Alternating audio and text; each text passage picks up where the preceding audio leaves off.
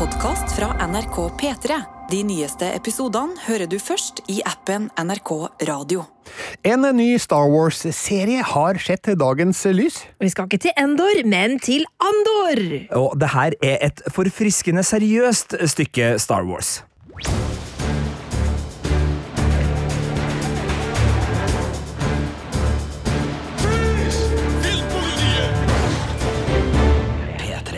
Og her er Birger Vestmo. Marte Hedenstad. Og Sigurd Vik. Og vi skal altså til Andor, den nye serien fra Star Wars-universet som er ute med de tre første episodene på Disney pluss. Og det er du som har anmeldt Andor for oss, Sigurd? Det stemmer. Det er et førsteinntrykk basert på de fire første episodene, så ikke hele sesongen, som består da av tolv episoder. Men um, det er en um, mer alvorlig Star Wars-serie, det her. Og jeg, i hvert fall, så er jeg spent på hva dere syns, da, men jeg liker det. Spies. Saboteurs. Assassins. We've all done terrible things on behalf of the rebellion. Cassian Ander. Don't matter what you tell me or tell yourself. You'll ultimately die fighting these bastards. Wouldn't you rather give it all at once to something real? Ja, her hørte vi et lite klipp fra traileren til Andor, og på musikken så er det jo tydelig at de prøver å knytte bånd til den klassiske Star Wars-trilogien med prinsesse Leias eh, tema, men, men, hun er ikke med her. Nei da, og, og det her er jo en serie som har flere bånd til kjent Star Wars, og jeg skal ærlig innrømme at jeg kjenner litt sånn på stjernekrigslitasjen med at vi stadig vekk skal få enten eh, prequels eller få vite mer om rollefigurer vi allerede kjenner veldig godt, altså Obi-Wan, Boba Fett, det er fanfavoritter som har fått hver sin serie på Disney Pluss, og Andor er jo også på sett og vis det, i og med at det her er eh, helten, eller en av heltene da fra Rogue One A Star Wars Story, som kom i 2016, som ikke er direkte med i Skywalker-sagaen av de ni filmene, men som likevel ligger veldig tett opp til den første av Skywalker-filmene, nemlig A New Hope, for det handler jo da om eh, handling som fører opp til eh, Luke Skywalkers kamp mot dødsstjerna. Skal vi bare si med en gang at det blir litt spoiling her, fra både kjente Star Wars-filmer og fra Andor, de tre første episodene. Uh, vi skal ikke snakke om den fjerde som jeg har sett, jeg skal bare kanskje si at jeg syns den er også veldig god. Men det gjør jo at det er nok en gang en tur tilbake til Star Wars-universet der vi vet en del, og det her starter jo også med en søt og hjelpsom droide som kommer inn ganske tidlig i episoden, så det er mye som er kjent og kjært her, men jeg syns likevel Andor, både i utseende, i størrelse og i tematikk og medmenneskelighet og den menneskelige risikoen og etterretningsspenning og opprørere, klarer å være noe eget i det her relativt tettpakka Star Wars-universet. Derfor så ble det en terningkast fem fra meg. Jeg vet ikke, hva syns dere? Ja, jeg syns at det var en, som du sa, forfriskende vri da, på Star Wars-universet. Fordi du, ja, som du sa, det starter med en søt droide, men så er vi ganske snart inne i et bordell! Og det har vi ikke opplevd før i Star Wars, har vi det, Marte? Nei, altså, vi har jo opplevd litt uh, sexy slavekostymer og, og, andre typer ting, men uh, så rent bordell som det her har vi vel ikke vært på før, som jeg kan komme på. Uh, men den satt jo virkelig i stemningen og, og, og viser oss hvem da Cassian Ander er på det tidspunktet her. Eh, vi skjønner at han er på leting etter søsteren sin, eh, og at han er litt villig til å gå ganske langt eh, mm. for å finne henne. Og så vet vi enda ikke hvorfor, men det setter eh, stemninga ganske tydelig ganske kjapt. Ja, for det er en origin story, det her. Altså, vi skal se hvordan Cassian Andor blir den opprøreren som vi opplevde han som da, i Rogue One. Og um, det er jo åpenbart at han har et personlig utgangspunkt da, for um, det som skjer videre i Andor-serien. Um, I løpet av de tre første episodene så um, får vi vel oppleve hvordan det hele starter, da, altså hans vei mot en eh, slags opprørerfunksjon, da, som vi vet han skal få siden. Og um, det med et veldig personlig utgangspunkt, som du sier, Marte. Vi får blant annet noen tilbakeblikk fra hans eh, barndom, eller ungdom, da, på hjemplaneten, og med noen dramatiske ting som skjer der. Det virker jo som at vi skal få et inntrykk av Kassian Andor som et produkt av omstendigheter, og som eh, kanskje verken er spesielt eh, snill eller spesielt eh, vond, men beveger seg litt i gråsoneterrenget mellom der. Jeg merka jo at etableringa av Andor hadde veldig mange paralleller eller hadde en stor parallell til måten han presenteres på i uh, Rogue One også, hvor han utøver en ganske eh, brutal og fæl handling uh, fordi han må. Uh, og det gjør han jo i starten av første episode også. Det er jo nådeløst, det han gjør, men det er jo fordi han innser at her er det ikke snakk om å ikke gjøre det, fordi da er jeg ferdig. Og, og den den handlinga setter jo tonen for de menneskelige kostnadene og de personlige kostnadene det hører med å, å kjempe mot et totalitært regime, som eh, vi da presenteres for her. Jeg syns det gir serien både det der håpet som vi liksom kjenner fra A New Hope, eh, ja, eh, litt on the nose der, men også et, et vemod da, som, som går gjennom de episodene her, hvor vi, vi ser hva det koster. og Sorry, folkens, nå kommer det enda flere spoilere her fra uh, Rogue One og Star Wars Story. Altså, Vi vet jo hvordan det går med Andor, og det gjør jo at eh, det, det vemodet har en naturlig plass der, men jeg syns også de, eh, de, de melker ikke det vemodet. De etablerer det som en del av hans personlighet helt i starten, og det syns jeg er veldig fint, og det setter også tonen og, og lar serien få det der litt ekstra laget. da, og jeg synes jo Skuespillerprestasjonen til Diego Luna, med det registeret han har, og det, den integriteten han har, det nærværet han har, klarer å, å få med seg da. Både selvfølgelig det, det koselige, det lune, det opprørske, det artige, det eventyraktige med Star Wars, men øh, jeg syns ikke serien krangler med meg når den begynner å bli mer alvorlig og ønsker å ta inn en mer realistisk verdensanskuelse, for selv om det her er en galakse langt, langt borte for lenge siden, så, så er det uh, lett å kjenne igjen uh, ting, og, og der må jeg jo si, vi skal ikke snakke om episode fire, men jeg synes episode fire også tar tak i flere av de trådene og, og bygger det ut, og, og vi er jo også på, på flere plasser her enn vi har vært uh, på, på en stund med, med et litt annet nærvær, synes jeg. Jeg synes den hjemplaneten hans får lov til å etableres med, med en mer realisme. altså Det er en vakker skogs- eller jungelplanet, men gruvedrifta er brutal, og, og vi liksom ser uh, hva som skjer med et lokalsamfunn som, som tynes helt ut. Og det er jo, er jo selvfølgelig, selv om det her ikke er ment å skulle representere én enkelt hendelse i virkeligheten, så, så har det en realisme som gjør at vi tenker at ja, fytti rakkeren, det må ha vært forferdelig hvis man liksom bor en plass, og så kommer det noen og bare tar over jorda her. Men det mest interessante med Cassian Andor er jo at, eh, som vi var inne på, han er jo ikke en klassisk Star Wars-figur, fordi i det universet så er det ganske svart eller hvitt. Du er enten eh, slem, eller så er du en helt. Um, her er vi i i et lende der vi er jo ikke, vi er ikke helt sikre på om vi skal sympatisere med han 100% Marte? Ja, altså, men det er jo som eh, Sigurd sa i stad, at eh, han gjør ting fordi han må. Eh, når han ender opp med å gjøre litt sånn brutale handlinger, så eh, opplever jeg at han blir pressa til å gjøre det, og at han på en måte tar et valg som han føler at han egentlig ikke har noe valg i å gjøre. Eh, så jeg har jo sympati for han, samtidig så er han jo ganske dumdristig, eh, kanskje litt. Eh, Han tenker kanskje ikke helt over hvilke konsekvenser handlingene sine får for andre. Eh, og i løpet av de første episodene så, så er det jo ganske mange sånne vennetjenester han skal innfri, og han eh, tar litt grann for gitt, kanskje, at alle vennene skal stille opp for han og lyve for han og, eh, og gjemme han og, og alle disse tingene. Eh, Samtidig så, så merker jeg at jeg ser ikke på han som en antihelt heller, eller en skurk, men jeg ser, ser på han som en bra fyr som havner i vanskelige situasjoner. Ja, du er jo veldig raus her, da, hvis Ja. han ikke er en antihelt etter Ja, den starten. ja, nei, ja, Eh, men, og vi er jo eh, heldige som møter to såpass usympatiske vakter, for Ja, ja, hadde det vært det. vakter som ikke hadde blitt karakterisert så usympatisk Og de så skulle jo den- rane han. Altså sånn, Ja, ja, det, det, eh, de gjør jo det, men, men si at han hadde blitt stoppa av ei annen vakt som var på Ja, jobb, det- og han måtte ha gjort det samme, Ja. så hadde jo problematikken Fordi hadde det jeg, jeg sitter med et ja. inntrykk av at han kanskje hadde måttet ha gjort det òg. Ja. For han dreper jo en kamerat av seg i starten av Rogue One. Altså ikke en kamerat, men en, Ja. en medopprører. Ja, nå er det så lenge siden. Jeg har ikke sett Rogue One Nei, siden han, sist. han, si. øh, han, han er med en som ikke kan klatre, og de må Ja, stemmer øh, flykte. ja. Og da, blir, da dreper han uh, ja.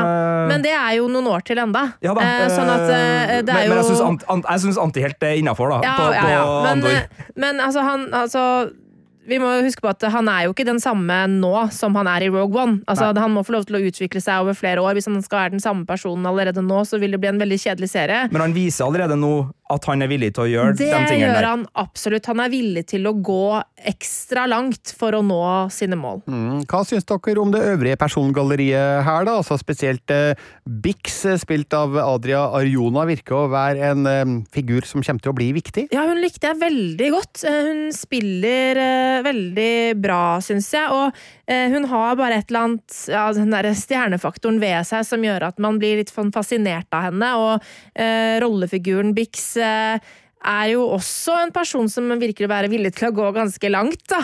Em, og, og lyver for eh, menneskene rundt seg, eh, videre. Men samtidig virker å være veldig lojal mot sine nærmeste.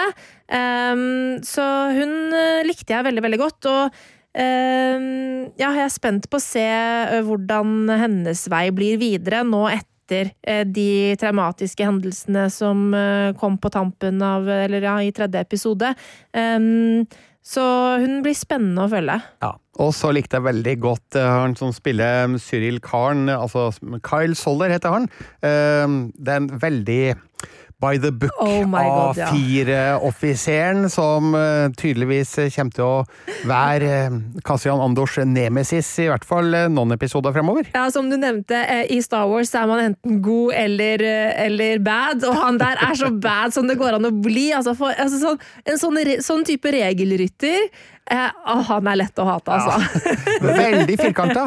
Veldig firkanta. Men jeg syns jo også denne serien på en um, veldig fin måte etablerer både angiverkulturen og den frykta man lever under i et totalitært samfunn som gjør at de får den intelen de trenger, da, men også hvordan det er veldig god grobunn for denne type mennesker som er uh, karriereklatrere og meget ambisiøse, og som er villig til å, å kjøre veldig hardt på ø, veldig enkle prinsipper for å, å komme seg opp og fram. Og jeg syns jo den er veldig interessant, den samtalen han har med sin sjef, som skal eh, bort for helga. Eh, Sikkert noe Holiday Resort eller noe, noe forretningshotell eh, de samles på, disse mellomlederne i eh, Ja.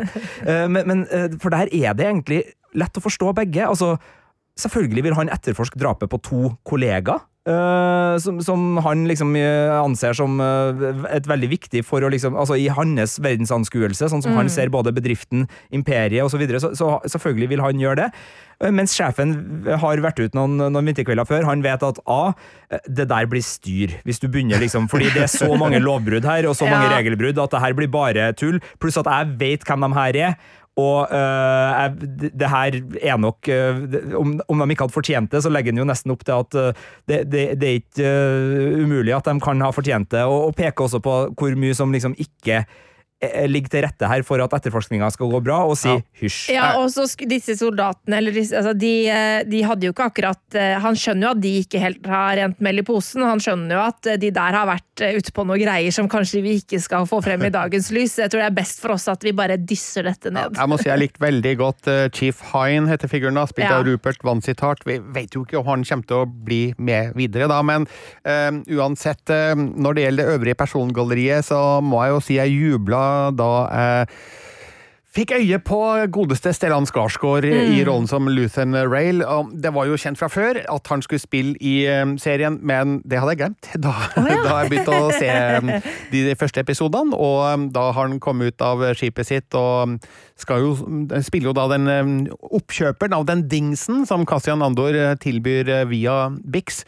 Og eh, da han tar eh, kikkerten fra ansiktet, og vi ser at det er Stellan Skarsgård, da tenkte jeg yes, kvalitetssikra. Ja. Jepp, veldig bra. Eh, skal ikke snakke om episode fire her, men kan uh, si at uh, Stellan blir bare bedre og, og bedre. Og uh, så er det jo også sånn at Forest Whittaker uh, er bekrefta at skal dukke opp i sin Saw Gerrera-rolle, som han også da hadde i, i Rogue One. Eh, jeg syns jo Fiona Shaw som Marva Andor eh, Altså, er hun er god. så god skuespiller. Ja, og, og også kan jeg jo avsløre at av andre sånn kjente som vi, vi skal få møte på, som er, er bekrefta, så er også Mon Motma-rollefiguren, som vi kjenner fra flere plasser i, i Star Wars, både Clone Wars og ikke minst da Jedi-ridderen vender tilbake der, som sørger for at vi både har uh, kvalitetsskuespillere og litt prestisje prestisjedrama i, i bunnen her, og uh, den der miksen av at vi vet hvor vi er. For det, det er jo ingenting her som roper jedi-riddere, stjernekrig uh, og, og Star Wars, egentlig. Det her er jo en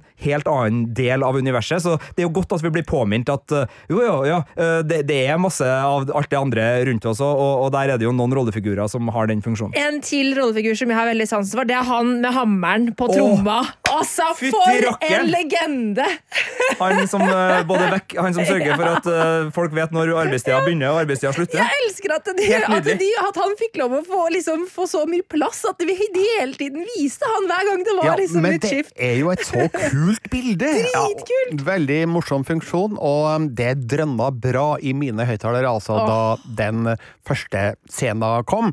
Eh, Så nei, håper vi får se mer av han, skjønt vi vet jo ikke helt hvor Anders Andors historie tar han etter episode tre, da. Nei, og, og det syns jeg er interessant, fordi episode tre Altså, det var bra at de slapp de tre episodene i ett, fordi Ja. det er egentlig etableringa. Det er den samme regissøren. Det er uh, Toby Haint som, som har de. Eh, det er Tony Gilroy som har skrevet de. Og Mm. det, det oppleves som eh, en litt sånn, nesten en sånn åpningsfilm Ja, for, si, eh, ja. for, for serien, og, og det syns jeg er veldig fint. fordi Hvis de hadde stoppa etter én, så vet ikke jeg liksom om jeg hadde kommet i gang på samme måte. fordi de var jo på mellom 30 og 40 minutter, disse episodene, og det er jo en lengde som er, grei. Det, vi er kanskje vant med litt lengre episoder i prestisjedrama, men når de satte dem sammen på denne måten, og spesielt episode tre, hvor du liksom får kryssklippa Mm. alle linjene inn i hverandre, og du virkelig liksom ser sammenhengen, og du kommer inn i det drivet, da kjente jeg at jeg ble trukket mot stolkanten og virkelig uh, storkosa meg med den episodeavslutninga, som kanskje ikke var like sterk i de to foregående, men som ble da et ordentlig klimaks i episode tre. Ja, og jeg er veldig spent på hvordan det der kommer til å fortsette videre. Fordi jeg syns at de tre episodene som helhet fungerte veldig bra. Eh, Men mens jeg så de, så tenkte jeg at dette her virker som en film som er delt opp i tre. Eller delt, altså, og så eh, blir jeg jo veldig nysgjerrig på om resten av serien også vil ha den følelsen, da. Eller om den vil ha en mer sånn seriestruktur. Så det blir spennende å finne ut av. Vi skal ha tre episoder. De neste tre episodene er regissert av Dan Gilroy, som er broren til Tony Gilroy. Og Tony Gilroy er blant annet kjent da fra den fjerde Bourne-filmen. Han har også skrevet screenplay på de tre foregående Jason Bourne-filmene, så han kan jo det her. Eh, Og da er det Susanna White som regisserer, så det er tydelig at det kommer nok en sånn trippel. Eh, Men de vil jo slippes ukentlig, da, så da vil vi jo få en annen opplevelse på det. Og så blir det litt mer eh, Ja, jeg ser det går igjen i, i tre og to, og så videre nedover i, i sånne paringer da, som, som har hatt ansvar for episodene, ned til da episode 12, som blir den siste, som kommer 23. november. Men de første tre episodene som vi snakker om eh, nå, jeg må si jeg ble imponert over hvordan eh, de så ut, fordi vi ble jo kasta inn i en innlevd verden, hvis det går an å si. Eh, Det var liksom ikke noe tvil om at det her er en eh, ekte by på en eh, ekte planet, og et miljø som virka bare gjennomført og troverdig med alle de små tingene i bakgrunnen som til sammen gjør en hel by. Altså folkelivet, de ulike jobbene de har i bakgrunnen av kamera. Når eksempel Andor besøker kompisen sin på et ja, jeg skulle til å si skipsverft eller en skrapbakgård. Jeg er litt usikker på hva det var egentlig, men eh, et sted der folk jobber og lever og bor og elsker og dør og håper og lengter. Det virka på meg som en veldig gjennomført miljøskildring. Jeg er helt enig. Det var et ekte sted. Eh, og det tror jeg Altså, én ting er jo det er jo alltid en utfordring å få en verden til å oppleves som et ekte sted, eh, men en fordelen Andor har her, er jo det er spilt inn på location, eh, settene er massive og detaljrike, masse statister. Alt dette her bidrar jo til å klare å gjøre den der levende verden til en realitet. Samtidig så er det jo også noe med historien og hvordan, hvor den tar Andor, at han, liksom, hvordan han opplever og er i denne byen, eh, og at de han møter er vanlige folk. Det tror jeg er veldig mye av grunnen til at det oppleves som et ekte sted også, fordi at det, det er vanlige mennesker der. Ja, så får du den kontrasten da mellom, og det, nå skal ikke jeg si noe om handling, men ut fra trailere sånn, så kan man jo se det. Altså, man, man får jo imperiets estetikk på banen etter hvert her. Altså, det er stramme uniformer, det er minimalistiske kontor, kontorlandskap, det er eh, brutalistisk arkitektur. Eh, Man får den, men så får man den kontrasten da, som Kentari og, og andre plasser gir med at man kjenner på den eh, variasjonen, det mangfoldet, den friheten, den lufta som ligger i de andre stedene, også på denne skraphandlerplaneten, uh, holdt jeg på å si, det var å, å ta i, men uh, skal vi se, den heter eh, Ferrix eh, og ligger i Molani-systemet, denne plassen som Andor og, og gjengen holdt til på, og så er det da Kenari, uh, unnskyld at jeg sa feil, Kenari som da er hans hjemplanet som uh, han da uh, for fra, og hans søster også da har, har fra. Så, så, uh, men de her plassene de, de er med å skape en sånn fin kontrast, da, synes jeg, nettopp fordi at det er så levd liv, så øh, øh, ektefølt øh, fordi det er skutt på location og sånn, selv om jeg lurer på om de gruvene uh, på øh, Kenari muligens har hatt litt uh, spesialeffekter med Ja. i, i bildene. Men altså, eh, Mando og Boba Fett-seriene er jo innspilt i stor grad ved hjelp av Nå husker jeg ikke hva det heter lenger. The volume. The Volume, altså en stor, omsluttende skjerm som virkelig fungerer utrolig bra, mens Andor-serien eh, er innspilt på location, som du sa, Marte, i England. Eh, det er jo stort sett bare britiske skuespillere med også, ved siden av Diego Luna. Eh, men, men ser vi egentlig den store forskjellen? Jeg syns vi ser den store forskjellen, og noe av det du nevnte, luft.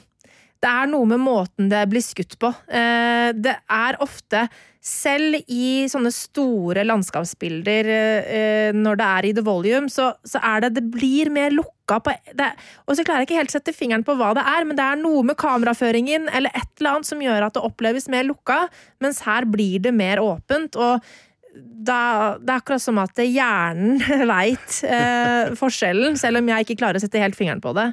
Og så er det jo ikke sånn at øh, vi alltid liksom eh, altså, For å ta Pepsi Cola-testen, da, som var en gammel slager. Altså, Altså, blindtesten, klarer du å se forskjell? meg. Selvfølgelig du klarer å smake forskjell på Pepsi og Ja Cola. da, men, men en sånn type test, hvis jeg skulle ha fått liksom, Hvis uh, Lucasfilm og Disney hadde satt meg ned i et rom og sagt sånn ok, skutt i volume eller skutt på location, så skal ikke jeg si at jeg hadde Jeg lyktes kunne naila det 100%. hver gang, det hadde jeg ikke, men jeg tror jeg Men, øh, stort sett hadde klart det. Ja, det, og det skal, skal men, men det som er, er jo at øh, og, og det var jo øh, location i Obi-Wan, og det er sikkert Ja brukt øh, både green screen muligens og, og The Volume også her, det vet vi ikke men, men det er noe med den følelsen, og spesielt når vi er utendørs, øh, og, og altså kameraets frihet. altså Du kan jo bevege kameraet uendelig når du, når du er utendørs, og, mens i The Volume så må du kanskje mikmakke litt mer med, med øh, hva som beveger seg, og, sånne ting. Og, og jeg kan ikke noe om det til å si noe konkret, men det jeg kan si, er at Andor føles øh, ekte. øh, og det har ikke bare med det her å gjøre, tror jeg, fordi det handler også om hvordan historie som fortelles, og, og størrelsen på historier. Eh, Både Boba Fett og Obi-Wan lå mer i den der nostalgidynka eventyrlandskapet til Star Wars. Tatooine er en sandkasse, uh, bokstavelig talt, selv om det muligens var en vannplanet uh, før, uh, som vi kjenner veldig godt, og som, som ligger Det er en helt egen del av Star Wars der, og Mando har jo klart å utnytte den estetikken helt nydelig. Det her er for meg da, det beste siden Mandalorian, og, og det beste ved siden av eh, Mandalorian i TV-rutedelen av Star Wars, men det er en helt annen eh, type serie, syns jeg. Og jeg syns jo også, som uh, spionsjangerfan, at serien klarer å inkorporere uh, etterretningssjangeren, så spesielt med en fot godt planta i 70-tallets spionsjanger. Både liksom det her spillet med, med hvordan man kommer seg ut av knipa, og hemmeligheter, og, og kode Altså sånn hvordan man eh, holder på med det skjulte, for det her er jo i stor grad en, et opprør som er i, i gryinga. altså Det her er fire år etter Obi-Wan-serien i tidslinje, fem år før Luke Skywalker skal øh, sprenge dødsstjerna. Uh, og, og det er liksom ikke noe, no system som er helt etablert ennå. Alt er litt sånn i det skjulte, alt er gryende, og det òg syns jeg serien klarer å fange opp hvor farlig det er, hva det krever av folk, men også liksom hvordan de delene kan settes sammen, og at det dermed blir interessant å bare se hvordan det, det gjøres. Ja, og så liker jeg at uh, vi har nå sett tre episoder, eh, og at vi kun har sett én person som vi i hvert fall mm, skjønner kan ha noe med altså The Rebellion å, å gjøre, sånn helt uh, for sikkert. Uh, at den tar seg tid til å etablere folka og universet og tida vi lever i, Men du merka jo det kodesystemet de Ja, ja, ja, hadde, Så, så, så sånne ting. men, altså sant? men, ja, det er, men det er jo ikke nødvendigvis på en måte The Rebellion, men Nei, det er opprør Det mot det. eh, overmakta, ikke sant? Det er akkurat det, at, at vi, det er ikke ett The Rebellion ennå. Det er bare uh, hvordan ulike system og ulike måter å overleve på i opposisjon, da, eh, er presentert Og så kommer Stellan Skarsgård sin rollefigur inn uh, i, i, i episode tre der, og så skjønner vi at ok, han der, han, Mhm. Han skal kanskje ta oss med på noe eventyr. Så Andor-serien kan kanskje vise seg å bli en veldig viktig del av hele sagaen, altså hvordan opprøret egentlig ble født, og hvordan det til slutt ble organisert? Ja, for i Obi-Wan så så vi jo sånne, fluk- sånne hemmelige ruter ikke sant, som de fulgte, og vi så at det var jedi-riddere som har fulgt de rutene, og, og, og da var vi liksom i en del av det, og vi, vi har jo sett de Rebels, eh, den animerte serien, så vi har jo fått stykker av det hele tida, men da har det gjerne vært rundt jedi-riddere og rundt veldig eh, si, altså mektige personer som kan få til veldig mye på egen hånd. Her ligger vi jo n- mer nedpå vanlige folk. Ja. Eh, og, og her får vi jo se enda flere av de bitene, samtidig som vi vet jo at serien gjennom at vi skal møte noen sentrale skikkelser, også skal knyttes der opp mot det opprøret, for vi vet jo hvor Andor ender, og vi vet jo hvor viktig eh, forbindelse han får nettopp til den mer jedi-baserte delen av uh, opprøret. Men, men i, i startfasen her nå, som du sier, Birger, det å få være med og liksom se hvordan eh, det virkelig liksom tar form fem år før eh, den første Star Wars-filmen, det syns jeg er interessant. Ikke fordi nødvendigvis det er inn i liksom sånn Å, får vi se Luke Skywalker? Eller, altså, det, det er ikke den delen av fandomen, og jeg syns jo serien er befriende god på å ikke drive og hele tida nudge, nudge, wink, wink, husk at du er i Star Wars. Men ved at systemet skildres, ved at vi får se liksom motstandskampen i flere samfunnslag, og med blikk for sammenhenger og hvordan det her funker, det er det jeg liksom er begeistra for i denne historien, for jeg vet jo hvordan Andors historie virker, så jeg håper jo også at vi får flere hovedpersoner som vil være med og bære det her eh, oppover. da. Vi syns jo det var stort da Luke Skywalker kom inn i eh, The Mandalorian, men jeg håper jo at eh, Andor faktisk da holder seg i utkanten av det kjente, etablerte Star Wars-universet, og ikke faller for fristelsen å få inn eh, Skywalker eller Leia eller noen andre av de virkelig er- kjente er figurene. 14 år, Skywalker, 14 år gammel Luke Skywalker er her, som litt, eh, er på, eh, på, kamp, nei, på, på flukt, så Obi-Wan må komme og redde. Ja. Ja, men altså, hva med Fordi skal det bli flere sesonger, vet du noe om det? Vi vet at andre sesong er bekrefta. Ja, fordi da ser jeg for meg at det kanskje kan være fare for at Leia dukker opp etter hvert, med tanke på at hun dukka opp i Rogue One, i en sånn forferdelig dataanimert eh, grusomhet. Ja, hun er jo Og, og og, nå husker ikke jeg helt feil, men dukker ikke hennes holdt på å si stefar også opp i Rogue One? Er ikke den senatoren med i, i bakgrunnen der, eller husker jeg feil? Men i hvert fall, ja, ut fra hvilket miljø vi er i, Ja. i Andor, og, og det at uh, vi vet at det er en øh, senator med her også, i, i Mon Motma, som står Ja. på rollelista, så er det jo det den mest nærliggende delen, fordi det er jo øh, Leia og hennes familie som da har mest, men om det betyr at vi kanskje bare skimter øh, at hun er på vei ut av et Nei, hun er, hun er 14 år her. Jeg nei, vet ikke enda, nei, ikke enda. Det er derfor jeg øh, spurte ja. om flere Ja, sesonger. Uh, men, men altså sånn at hun er med foreldrene sine, og vi, vi får se Det kan være, men jeg, jeg håper nesten ikke det Jeg heller. håper ikke det. Nei, Nei. Det er det jeg ikke håper. Uh, Men det er på en måte Det er den ene eh, delen av eh, rent konkrete rollefigurer fra hovedsagaen jeg kan se for Mm. meg kanskje kan dukke opp her, da. Men eh, jeg håper vi slipper det. Ja, du, vi må ta opp én ting til, hvis det er greit for dere. For enhver Star Wars-film eller serie må ha en søt robot. Og roboten i Andor heter B2EMO, og eh, det er jo et passende navn, fordi det er jo en uvanlig eh, ja, om ikke feig, så i hvert fall eh, nervøs og nevrotisk robot, som for meg virker som en sånn slags ja, designmessig mellomting mellom eh, Wally på den ene sida og, og Vincent fra The Black Hole på den andre. Ja, Eh, litt nevrotisk kanskje som en viss annen androide kledd i gull også, eller? ja. Voice av Dave Chapman. Eh, Likte du han? Ja, ja, jeg likte han, men du, du har nevnt ordet søt ved flere anledninger. Jeg syns ikke han er søt.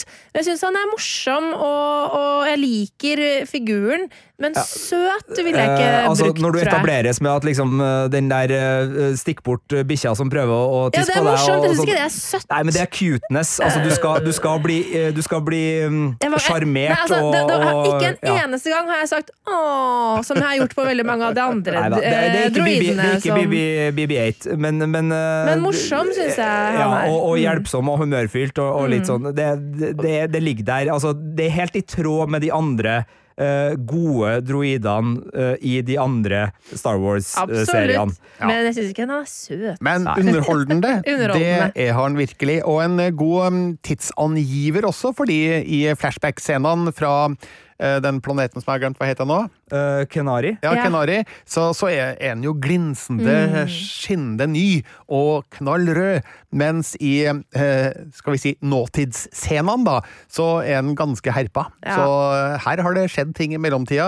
Uh, ja, så jeg likte veldig godt hvordan han ble brukt da som en sånn tidsangiver, på en måte. Ja, og, og det er litt den eh, Jeg skal ikke henge meg opp i det her, men, men, men den Wally-biten nå er jo ganske Ja, det er en referanse det er lett å, å, Ja. å plukke opp eh, i etableringa, spesielt da når han eh, dundrer rundt alene på, på Ja, ja, ja. skrapgården der og er litt sånn skrøpelig og, og ja. Eneste som har irritert meg med hele B2 Emo, er når han eh, Nå sier jeg han, da, fordi at det Men det er jo voice- voicet av en mann, av en mann. Når, når han lades, så lager ladinga en sånn lyd. Du-du-du-du. Du-du-du-du. Du-du-du-du. Hvem har designa det og bestemt at ja, men det skal vi sitte og høre på i leiligheten vår når eh, sånn roboten vår lader seg? Det var en flå. Ja, det var en flå. Eh, Flå in the, in the design. Så du tror uh, eh, Marva går på veggen av eh, irritasjon over den uh, lyd... Ja. Ja. Men eh, Marva, spilt av Fiona Shaw, som dere nevnte. Eh, fantastisk eh, god skuespiller, interessant eh, figur. Eh, nå vet ikke vi hvilken funksjon hun kommer til å spille videre, men eh, det er jo en såpass eh, stor og kjent skuespiller det her, at eh, hun må jo ha mer å gjøre i den serien her. Nå vet ikke du som har sett episode fire, Sigurd, det har ikke Marte og jeg. Nei, jeg sier jo ikke noe om det, selvfølgelig. Nei, du men gjør ikke det. men jeg syns jo den rollefiguren fikk en fin utvikling også i de tre episodene. Hvor første episode var litt sånn der Å, han har ei mor, og, og hun sitter hjemme, og ja, hun må sikkert passes på, kanskje, eller et eller annet sånn. Og så bare sånn Nei, nei, nei. Det opprører det. Ja. Eh, ja, ja, ja. Så jeg syns det var en sånn fin liten sånn finte, da. Altså, det er jo ikke sånn at vi, Den er jo ikke så tung på labben at vi sitter her og tror så veldig mye om henne, men altså sånn uh, Førsteinntrykket er jo på en måte at det er, er ei som ikke kan bli med når han nå må ut på, på flukt, og, og det er sårt, for det er mammaen hans. Og jeg kan ikke nok om Andor-figurens bakhistorie til at når jeg begynner på den serien her, så vet jeg sånn Å nei, det, det er adoptiv, for de har Ja. altså. Men, men så lærer vi jo litt mer, og, og jeg syns jo den er fin både ved at hun liksom plukker opp staven, som da fører til et flashback tilbake til den planeten og, og det livet han levde, og, uh, og, og så når vi da kryssklipper de to eh, scenene fra Andor sitt perspektiv, når han forlater både sin hjemplanet med hun og, og han, hennes venn, og, og at han må for, forlate uh, det, nye, det nye hjemmet sitt da med sin nye venn. Jeg syns det var, var fint, og, og jeg håper jo at vi ikke har sett det siste av Fiona Shaw, fordi Marwa Andor virker å være en ganske handlekraftig og kul rollefigur, som også uh, trekker de linjene tilbake, fordi Andor er jo en litt sånn her Han er, en, han er jo ikke en opprører nå, altså han er en uh, oppstarnazi, eh, småkriminell fyr på jakt etter søstera si, som ikke har noe kjærlighet for uh, imperiet, fordi de har undertrykt og, og herja, men altså, han, han stjeler jo ikke med noe større poeng enn å skaffe seg penger, sånn at han kan fortsette den jakta. Så han har gode motiver allerede nå, men, men han har jo ikke den der store uh, politiske overbevisninga. Den, den må jo komme. Men Marva er jo en sånn rollefigur som tydeligvis holdt på med eh, opplegg, uh, sjøl om det sikkert da var en opportunistisk måte å uh, skaffe seg verdier fra skip, at de sikkert har noe radaropplegg, kanskje politiradio, hvem vet, eh, og, og sånn, men, men hun virker å kunne åpne opp en del av hans bakgrunn som vi ikke vet på dette tidspunktet, som likevel kan føre oss inn både med tanke på forbindelser til andre rollefigurer som kan være viktige, men også til tankegods og, og holdninger, og at det ligger mye potensial i de flashbackene rundt Marva også, da, tenker jeg, fordi hun må jo ha ei spennende historie. Det Andor viser meg, først og fremst, er at ja, det går an å fortelle historier som er nærmest helt løsrevet fra den etablerte Star Wars-historien.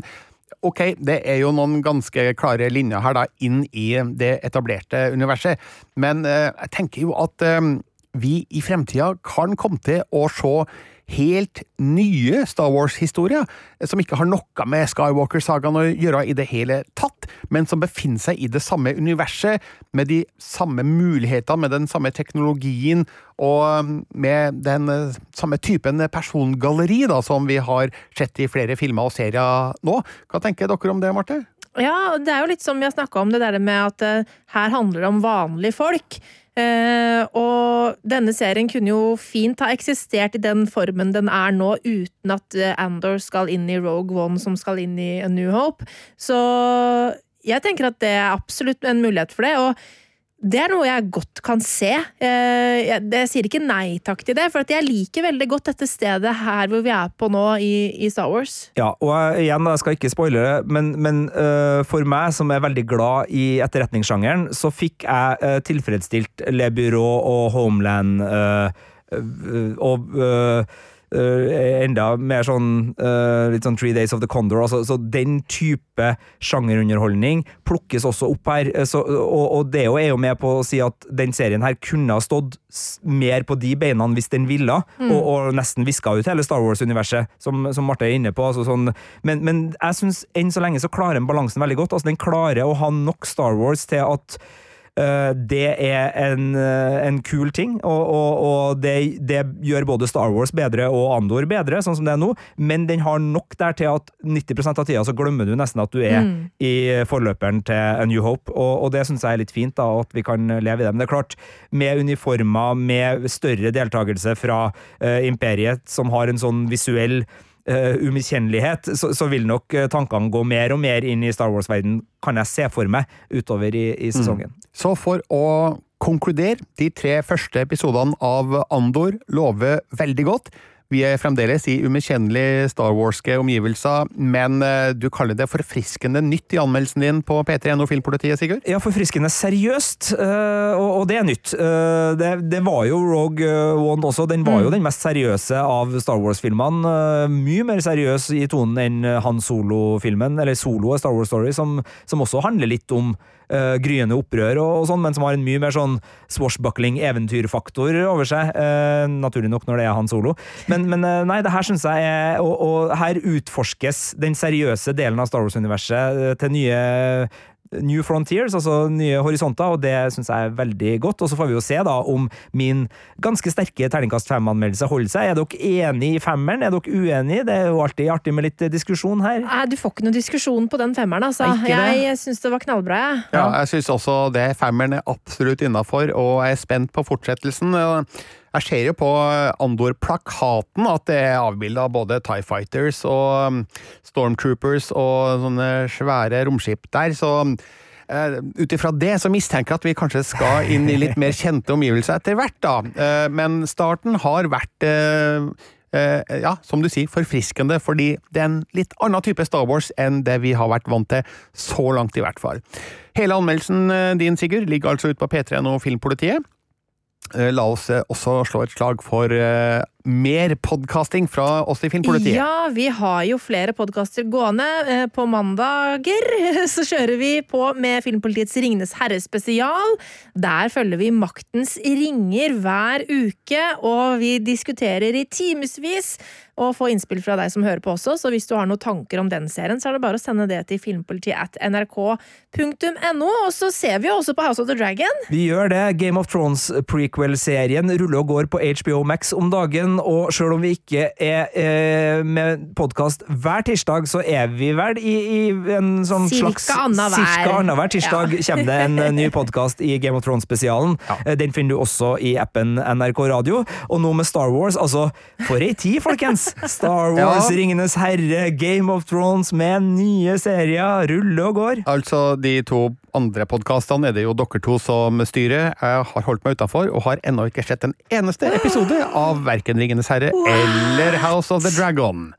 Eh, men jeg skal ta et skippertak og ja, komme meg à jour, altså. Men, men, samtidig da, så kan vi jo nevne at du også finner selvfølgelig alle filmanmeldelsene til Filmpolitiet på p3.no eh, filmpolitiet. Der har Birger Vestmo gjort seg fortjent til pengene. Det, det, er helt korrekt. Takk skal du ha. Eh, du kan også høre oss selvfølgelig på P3 hver søndag fra 12 til 15. I studio i dag, som nesten alltid, Birger Vestmo. Marte Hedenstad. Og Sigurd Vik. Du har hørt en podkast fra NRK P3. Hør alle episodene i appen NRK Radio.